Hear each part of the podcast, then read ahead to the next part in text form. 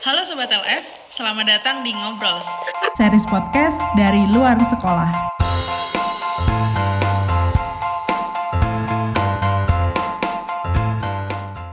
Selamat datang di Ngobrol, segmen baru di podcastnya Luar Sekolah bareng aku Mirsa. Di sini kita bakal bahas topik-topik yang seru lah pokoknya. Nah, di episode pertama ini kita bakal bedah sebuah profesi yang lagi banyak dicari saat ini. Profesi apakah itu? Yaitu sosial media spesialis. Sekarang aku bakal ngobrol bareng sama Willis nih. Halo Willis. Halo Mirsa. Kita kenalan dulu nih. Ini Willis nih sekarang menjadi seorang sosial media spesialis ya. Kalau boleh tahu dulu kuliahnya eh, jurusan apa sih kok bisa jadi seorang sosial media spesialis? Em, jadi aku dulu tuh kuliah di jurusan ilmu komunikasi sih di salah satu perguruan tinggi negeri baru negeri di eh, kota Surabaya. Oke. Terus kenapa sih memutuskan untuk bekerja sebagai sosial media spesialis?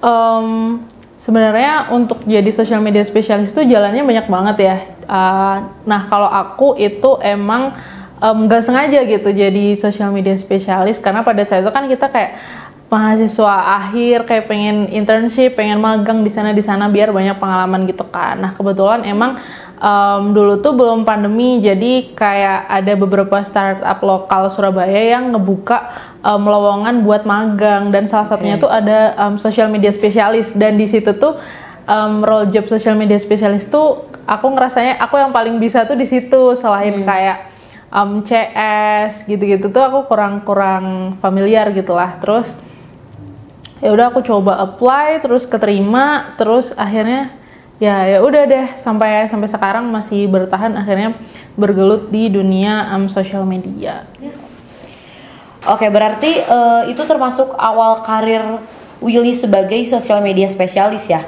Berarti bukan cita-cita di awal ingin jadi sosial media spesialis. Iya bukan. Aku dulu tuh cita-citanya pengen jadi jurnalis atau Oh. apa pun yang kerja di televisi. Pokoknya aku tuh dulu adore banget sama orang-orang yang bisa kerja di dunia televisi. Kayak keren aja nggak sih? Iya. Kayak warawiri ke sana kemari terus nyari berita terus produksi gitu-gitu kayak yang sibuk banget gitu. Terus ya tapi masih mirip-mirip lah kayak kalau di jurnalis kita bikin berita terus di social media kita bikin konten tetap tetap inline lah mirip-mirip gitu. Oke, pernah nggak sih mengalami penolakan dari keluarga karena kan eh, profesi ini terbilang awam ya, nggak banyak orang tahu, apalagi orang tua mengenai profesi sebagai sosial media spesialis. Oh tentu pernah. Ka- kayaknya hampir, apalagi aku kan tuh lahir dan besar tuh di desa ya, yang kayak orang tua tuh ngertinya ya kerja tuh di kantor yang kayak berseragam gitu, mungkin jadi pegawai swasta atau pegawai negeri gitu-gitu orang orang tua tuh taunya. Terus pas aku jadi social media spesialis, Em, terus pas pada saat itu tuh aku harus WFH gitu kan. Kayak di rumah di kamar main laptop seharian bener-bener dari jam 9 sampai jam habis maghrib gitu tuh masih kerja. Terus tuh kayak dianggap nggak kerja gitu. Aku tuh dikira main-main doang. Padahal ya tiap bulan tetap tetap dapat transferan gitu kan tapi akhirnya orang tua tuh aku kasih pengertian lah gitu. Jadi ini ini tuh sebenarnya cuma tentang lobbying aja sih kayak ngelobi orang tua. Kayak aku tuh kerja sebenarnya bukan yang main-main atau gimana. Dapat duit juga dapat terus ada pengalamannya juga gitu. Cuman emang mungkin buat orang tua di luar sana tuh itu hal yang baru gitu ya. Kayak kerja di dunia digital di apalagi kan aku di startup ya yang kayak Hah emang ada ya kayak gitu?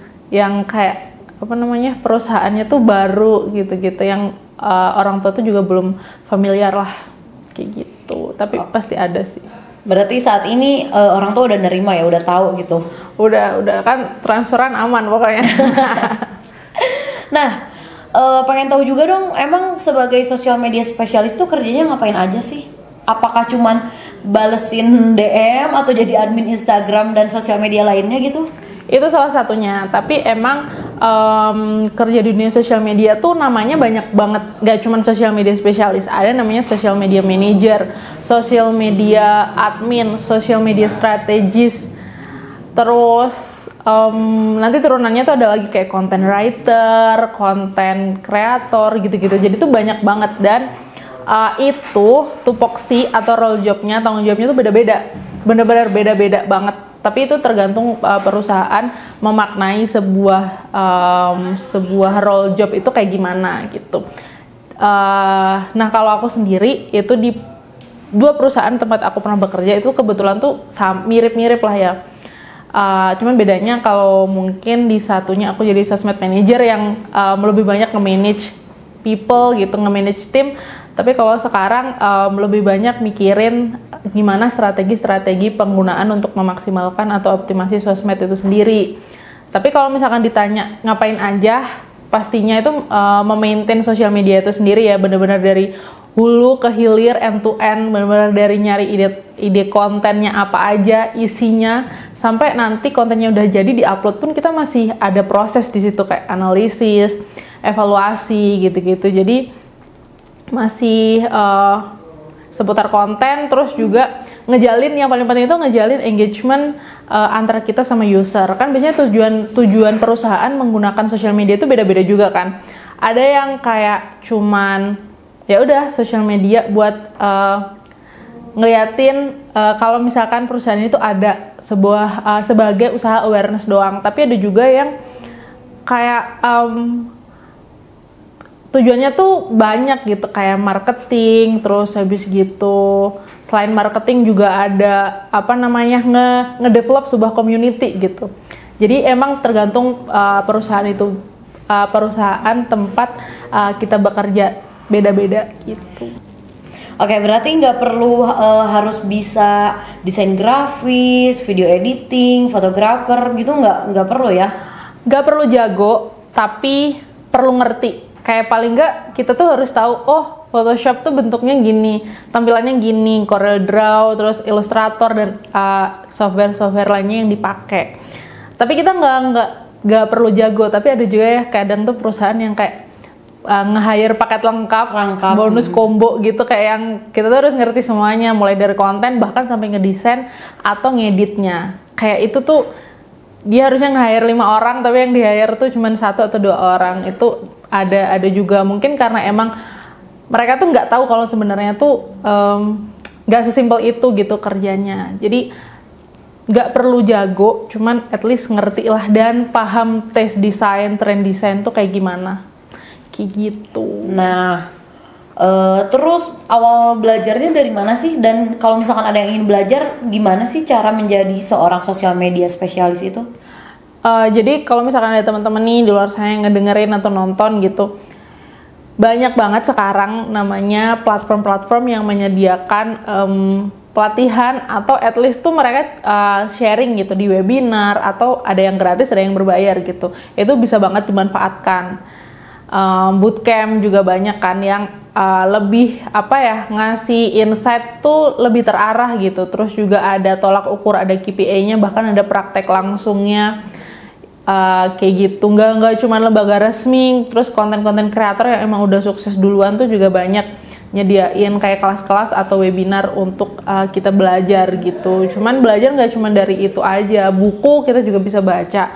Terus juga um, yang paling penting tuh uh, kalau misalkan pengen kerja di dunia sosial media harus uh, rajin baca sih. Karena kan kita perlu riset ya. Benar-benar yang riset tuh hampir tiap bulan tuh pasti kita harus ngebaca dari analisis nanti kita turunkan nih ke riset. Kayak oh dari hasil analisis tuh kita dapat kayak gini konten kita selama sebulan ini tuh turun atau naik. Kalau naik karena apa? Kalau turun karena apa? Terus um, gimana cara kita improve dan nge-solve masalah-masalah yang terjadi itu gitu. Jadi uh, selain harus willing to learn something new willing to uh, learn tentang sosial media itu sendiri lebih jauh juga uh, harus apa ya harus ngerti sih harus ngerti dan pandai memposisikan diri. Karena biasanya kan misalnya aku nih dulu aku megang akun tentang kesehatan mental. Terus sekarang aku megang akun tentang self development sama finance. Itu kan aku harus bisa memposisikan diri yang dulu aku ngerti. Diharuskan ngerti tentang um, psikologi. Mental sekarang aku harus ngerti tentang finance gitu kan. Itu uh, memposisikan dirinya nggak nggak cuman sebagai uh, penulis doang tapi memposisikan diri sebagai user kayak tahu gitu tujuan sebuah akun yang kita pegang tuh apa, um, sasaran audiensnya siapa. Nah kalau udah tahu, kita jadi tahu gimana nge-treat mereka dan kita memposisikan diri juga sebagai uh, audiens itu sendiri. Gitu. Jadi kontennya tuh lebih terarah dan uh, tepat sasaran lah. Oke, berarti harus rajin baca dan kita memposisikan sebagai usernya juga ya. Hmm, yang paling penting sih nggak boleh um, cepet puas ya, karena biasanya tuh oke nih hari ini kontennya engage tinggi gitu ya likesnya, uh sampai puluhan ribu. Atau kalau misalkan di platform beberapa platform ada namanya FYP masuk explore gitu-gitu, kayak sekali terus bangga itu tuh bisa um, bikin kita kayak stuck sih. Jadi nggak boleh cepet puas, harus Uh, kalau misalkan itu jadi achievement itu harus jadi uh, apa namanya apa ya penggerak semangat lah jadi uh, lebih lebih semangat lagi gitu buat bikin konten-konten yang lebih uh, engage lagi. Oke. Nah, terus kalau misalkan ingin jadi seorang sosial media spesialis ini harus kuliah di jurusan apa sih atau uh, misalkan harus di jurusan ilmu komunikasi atau bisa sebenarnya di jurusan lain pun bisa asal kita mau baca perihal itu gitu gimana kira-kira? Sebenarnya kalau mis- masalah jurusan itu apa pun uh, se- kan ada tuh nggak nggak cuma sosial media doang ya. Banyak uh, jurusan-jurusan terkait komunikasi lah intinya menjalin komunikasi entah itu internal atau eksternal itu tuh sangat terbuka untuk semua jurusan biasanya walaupun nggak walaupun beberapa perusahaan tuh tetap prefer, uh, prefer untuk ngambil uh, jurusan tertentu ya. Tapi kalau sosial media sendiri aku lihat tuh nggak harus kayak yang ilmu komunikasi walaupun biasanya uh, anak komunikasi itu diutamakan gitu. Tapi nggak menutup kemungkinan untuk jurusan-jurusan lain. Kayak banyak teman-teman aku yang kayak dari jurusannya tuh benar-benar jurusan manajemen atau jurusan kimia teknik gitu-gitu linear tuh gitu ya. mm-mm, banyak banyak sih yang kayak gitu gitu jadi asalkan tadi sih mau belajar terus juga mau em, memperluas comfort zone dia kayak keluar dari zona nyaman dia nggak keluar sih memperluas gitu jadi semuanya bisa Oke. Aman. Nah, ini nih. Ada pertanyaan yang mungkin cukup banyak yang orang kepo ya. Entah apakah Willis akan menjawab atau tidak. apa tuh? Kira-kira boleh dibisikin nggak? Gajinya berapa sih dan prospeknya seperti apa menjadi seorang sosial media spesialis itu?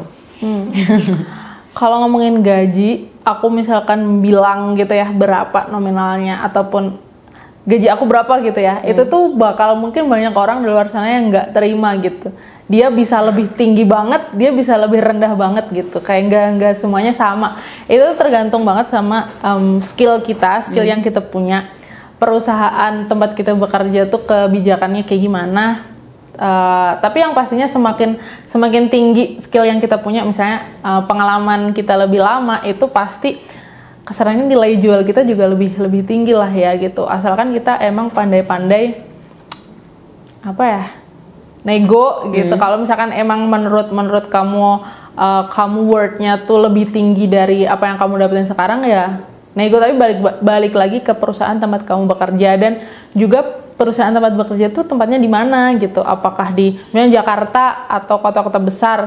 Atau di kota-kota kecil atau kabupaten kecil itu kan pasti beda gitu. Jadi teman-teman kalau misalkan pengen tahu itu tuh bisa banget riset banyak portal job yang menyediakan um, kita bisa riset gitu. Kayak average posisi ini atau average posisi sosial media tuh berapa sih gajinya di perusahaan ini perusahaan ini? Biasanya kalau perusahaan besar atau udah cukup terkenal lah biasanya uh, banyak orang yang ngasih tahu range gajinya di sana tuh berapa berapa gitu. Oke, terakhir ya, terakhir. Boleh mungkin di-share tips atau wejangannya untuk teman-teman di sini yang eh, galau gitu ingin menjadi seorang sosial media spesialis tapi dia masih bingung apa sih sosial media spesialis ini gitu. Apakah prospeknya bagus apa enggak? Kira-kira ada wejangan nggak dari Willis yang saat ini profesinya sebagai sosial media spesialis? Em, kalau misalkan teman-teman di luar sana ada yang pengen jadi sosial media spesialis itu selama kamu merasa itu tuh kamu banget gitu ya itu tuh nggak nggak perlu ragu malah itu justru yang dibutuhkan karena kan pekerjaan apa pun tuh sebenarnya kalau di awal tuh seru gitu ya tapi di tengah-tengah tuh kayak membosankan karena tiap hari kita kerjain kan Tapi kalau misalkan itu em, kamu banget terus kamu seneng banget itu malah jadi nilai plus untuk kamu mengerjakan atau bekerja di dunia sosial media. Cuman kalau misalkan ada yang masih ragu, eh, ya cari tahu dulu kali ya. Biasanya aku kalau misalkan masuk ke suatu tempat yang baru itu tuh aku riset sih. Risetnya tuh kayak nyari-nyari aja. Banyak di, di sosmed di Twitter di TikTok atau di website gitu tuh banyak yang share gimana sih rasanya mereka jadi em, duduk di posisi itu gitu. Itu tuh banyak yang nge-share. Itu mungkin akan menambah apa ya either itu jadi makin pengen atau makin enggak gitu jadi bisa bisa tanya-tanya. Cuman emang eh, teman-teman harus tekankan pokoknya eh, jangan berekspektasi yang tinggi gitu untuk suatu, pekerjaan. Nggak cuma sosial media ya. Eh, kalau misalkan pekerjaan itu mungkin wah gajinya tinggi ya pasti eh, berbanding lurus sama apa yang harus dikerjakan. Tanggung jawabnya seperti apa. Ih gajinya ini dikit ya pasti kerjanya nggak akan seberat yang gajinya gede ya kan? Atau kalaupun orang yang santai-santai tapi gajinya tinggi ya berarti dia emang pengalamannya udah tinggi banget dan eh, mengemban tanggung jawab yang gede banget gitu. Jadi jangan berekspektasi tinggi sampai kamu benar-benar masuk dan tahu realnya gimana. Karena eh, apa pun profesinya dunia kerja tuh nggak sesimpel nggak sesimpel apa yang kita bayangkan gitu. Apalagi kalau teman-teman tuh fresh graduate bener-bener yang baru masuk uh, dunia kerja as profesional gitu kan. Itu sih kayak jangan berekspektasi tinggi dan harus uh, willing to learn something new every time every day gitu. Itu kuncinya sih apa pun gak cuma sosial media doang. Gitu paling dari aku. Pokoknya harus mau belajar dan jangan berekspektasi yang tinggi sebelum kamu tahu realnya tuh kayak gimana seperti itu Oke, intinya berarti jangan berekspektasi tinggi ya. Oke, thank you Willis eh, atas waktunya udah ngobrol bareng di podcastnya luar sekolah. Makasih banyak untuk sobat LS yang sudah dengerin ngobrol bareng Willis dan jangan lupa untuk dengerin podcastnya luar sekolah yang lain. See you on our next episode.